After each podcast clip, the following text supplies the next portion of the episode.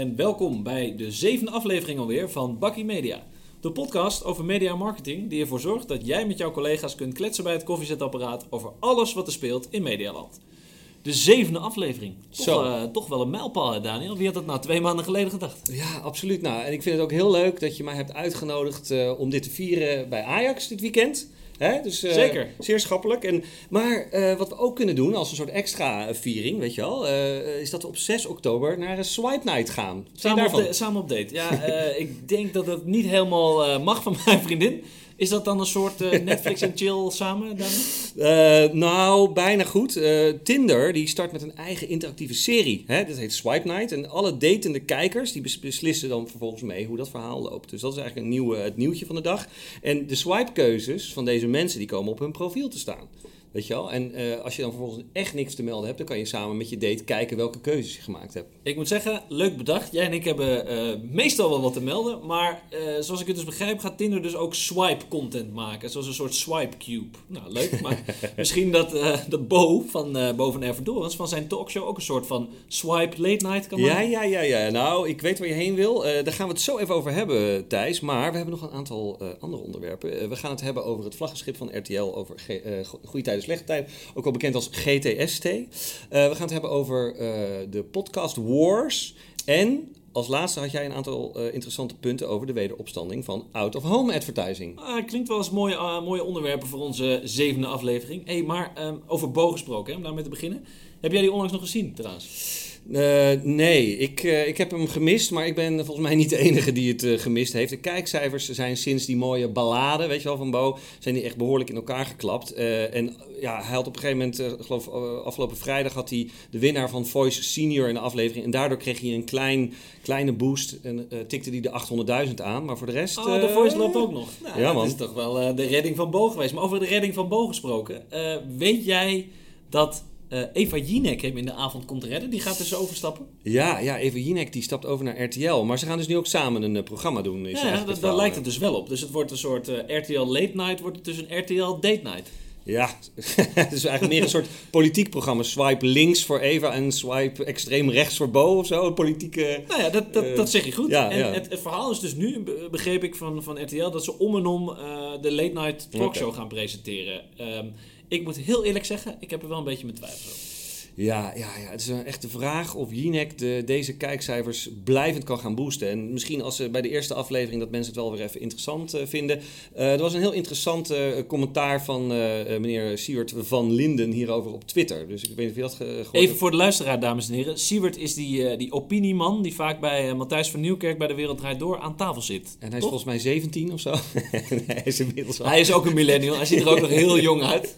Hij is iets jonger dan ik, inderdaad. Maar, nou ja, wat hij dus zei, eh, Thijs, is eh, hij wees op het feit dat Jinek eh, in een persbericht had gezegd dat ze met deze over, overstap, vooral de overstap naar RTL, ze jonge vrouwen wil gaan bereiken. Dat ze die wil inspireren. Maar goed, als je kijkt naar haar NPO-achtergrond, zoals we weten heeft ze onder andere ook het, het journaal heeft ze gedaan, heeft zij zeg maar een, een fanbase van heel veel oude mensen. Dus pak een beetje 55 plus. En weet je, als RTL haar kijkcijfer power wil overnemen, krijgen ze dus echt een enorme eh, bak oudere kijkers erbij, als dat lukt. Of zij moeten eh, lekker eh, jong gaan doen met een, een kort rokje en veel spelden. Ik weet het niet. Ik bedoel dat. Nou ja, kijk, ik, ik denk Lastig. ook dat die keuze van Jinek een beetje gedreven is door het feit dat ze meer gaat verdienen bij RTL. Maar dat ja, terzijde. Ja, ja, Maar de vraag in, in, in dit soort gevallen is wel, wat mij betreft, altijd: wat is nou sterker? Hè? De content of het kanaal wat het uitzet? Als je nu bijvoorbeeld naar Linda de Mol kijkt, die miljoenenjachten uitzet, nou, dat, dat haalt gewoon ook op SBS eh, goede kijkers. Maar laat ik nou voor de verandering eens een keer positief zijn. ja, Ik- doe dat, Thijs. Ik, ik, denk, ik denk dat Jinek eh, echt een merk is. Hè. Ze is bekender, aantrekkelijker dan nou, bijvoorbeeld een Twan Huis die het eh, voorheen deed. ja, dat werkte niet. Ze, straalt ook wel, ze straalt ook wel positiviteit en, en gezelligheid uit, vind ik. En ik denk dat ook jongere mensen wel eens voor haar zouden kunnen vallen. Dus niet alleen die 55-plussers. Ja, dat is inderdaad een, een, een positieve kijk op de zaak. Ik weet het niet, eh, Thijs. Ehm, ik heb ook een beetje mijn twijfels over die wisselformule met Bo. Weet je, dat wordt Ja, oké, daar heb je gelijk. wordt gewoon een beetje rommelig, weet je. Ja. Dan weer de, de kijkers, dat zijn toch een beetje lui eh, eh, mensen die van continuïteit De houden. couch potato. Ja. Ah, Exact, weet je. En de enige manier waarop ik dit zie werken is, hè, gek genoeg, als het zwaartepunt niet alleen op deze, eh, deze lineaire televisieshow komt te liggen, maar als ze echt crossmediaal gaat, weet je wel. Dus dat, dat zij ook echt online gaat influencen, korte video's, uh, podcast gaan maken en dat ze dus de volle breedte van RTL gaat inzetten. Weet je wel, RTL Z, uh, Influencer Club, Boulevard en niet alleen maar die ego-show op televisie. Nou, ik, ik moet zeggen, daarom ben ik het wel heel erg met je eens. Uh, en nu moeten we hopen dat naar deze podcast ook wordt geluisterd door Sven Sové, of in dit geval Jos Eggink, onze vaste luisteraar. Dat weten we zeker, toch? Dat weten we zeker. Ja. Maar, maar even wat anders, hè. Uh, nu we het toch over RTL hebben. Ze krijgen op televisie wel meer klappen, toch? Want uh, we noemen het in de introductie al, het vlaggenschip GTST, Goede Tijden, Slechte Tijden, is dit seizoen uitermate dramatisch begonnen. Niet, niet zo lang geleden zaten ze eigenlijk dagelijks zo rond het miljoen aantal kijkers op televisie. En dan namen ze nog niet eens het, het, het vooruitkijken of het terugkijken op, op Videoland mee. Nu dipt het soms al richting de 600.000. En het seizoen is nog maar net begonnen. Wat, Ja. wat vind je daarvan dan? Nou, ik las ergens eh, dat uh, programmadirecteur Peter van der Vorst eh, ook een statement had gemaakt dat hij vond dat de verhaallijnen ook veel meer de gewone man moesten reflecteren. En, En vrouw natuurlijk, want er kijken natuurlijk meer vrouwen naar dan mannen. Gewone man en vrouw. Ehm, ja, dus, maar ik vraag me ook of er niet iets anders aan de hand is. Ehm, ja, misschien dat we dat aan, aan Jos kunnen vragen. Ehm, de GTS-kijkers kunnen tegenwoordig ook vooruitkijken op Videoland. Weet je, zou dat niet de verklaring zijn dat ze weggaan van, eh, van de gewone eh, show? Ja, ja, de vraag is of dit ten koste gaat van de reguliere uitzendingen. Ik, ik denk dat wat je net terecht zegt, dat ze veel te veel afstaan van, van de realiteit. En dat de verhaallijnen een beetje losgeslagen Mm. zijn. Maar wellicht dat inderdaad eh, Jos ons hierover meer kan vertellen. De, de hulplijn. De hulplijn.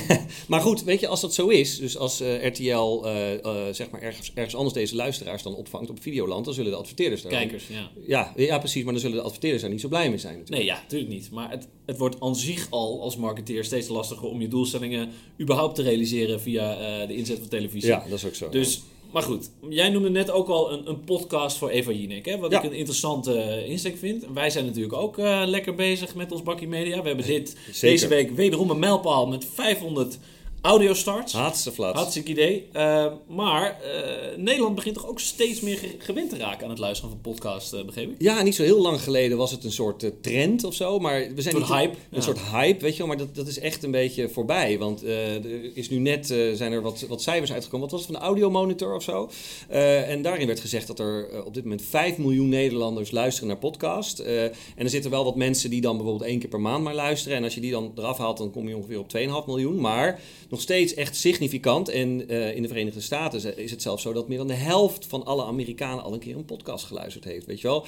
Ehm, maar dit is niet het enige, Thijs, want eh, ik heb me er even in verdiept. En het lijkt er nu zelfs op dat eh, de podcast een nieuw oorlogsgebied gaat worden ja, van de grote techbedrijven, weet je wel. Dus na de streaming video war komt dus nu ook de podcast war. De podcast worden. Nou, wij zijn wel lekker van, het, van de termen gooien, maar Ja. hoe, zit, hoe zit dat precies dan? Nou ja, misschien is het dan ook even voor de luisteraar handig om even een kleine schets te geven. Eh, het gaat allemaal over distributie, weet je wel. Eh, ehm, eh, op dit moment is het zo dat Apple Podcast zeg, de onbetwiste marktleider is. Maar Spotify, het Zweedse sp- Spotify, heeft natuurlijk iets van nee, wat was het? Kijk, 100 miljoen abonnees. En die zijn een ijzersterke speler op het gebied van audio. Hè. Normaal hebben we daar onze playlist, luisteren we muziek, maar die doen dus ook podcasts nu.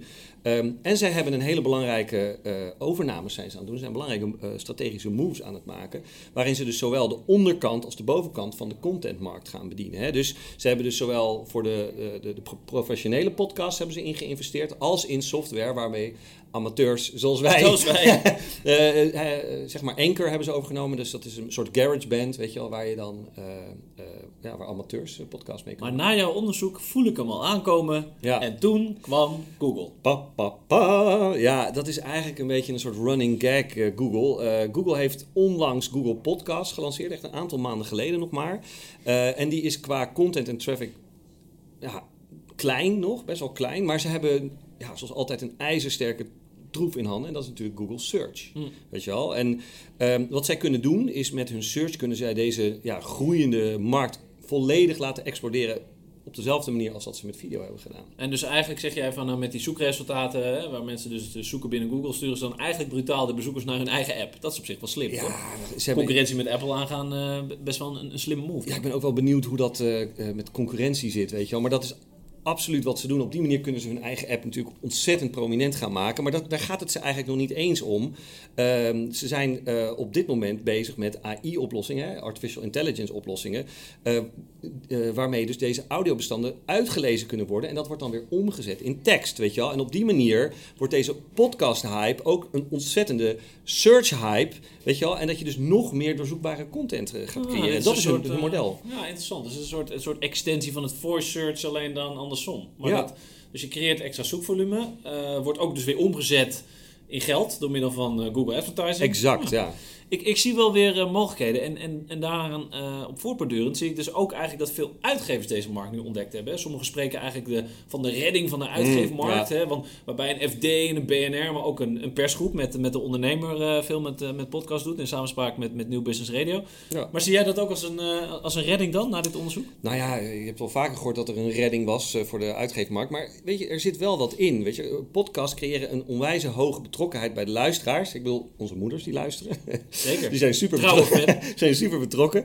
Ehm, en je kan onwijze mooie combinaties maken met eh, eh, meer traditionele digitale content. En eh, ze hebben ook een, een nieuw moment gevonden in de customer journey. Hè? Dus dat, dat is natuurlijk ook een dingetje. Het woon-werkverkeer is op dit moment ook, kan ook geclaimd worden door de Nee, maar dat, dat onderschrijf ik volledig. Want als ik zelf op de fiets zit of ik ben onderweg, dan, dan luister ik ook steeds vaker podcast. Ja. En als ik dan naar uitgevers kijk, eh, ehm, die kunnen dit soort content natuurlijk uitstekend produceren. Met, met hun makers of hun journalisten.